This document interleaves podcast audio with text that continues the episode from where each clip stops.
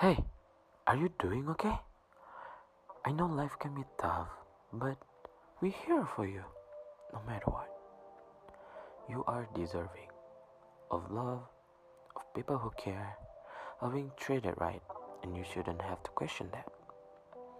Don't be so hard on yourself, okay? You're doing a really, really, really good job. And one thing you are loved tomorrow, today, and forever. So, just be happy.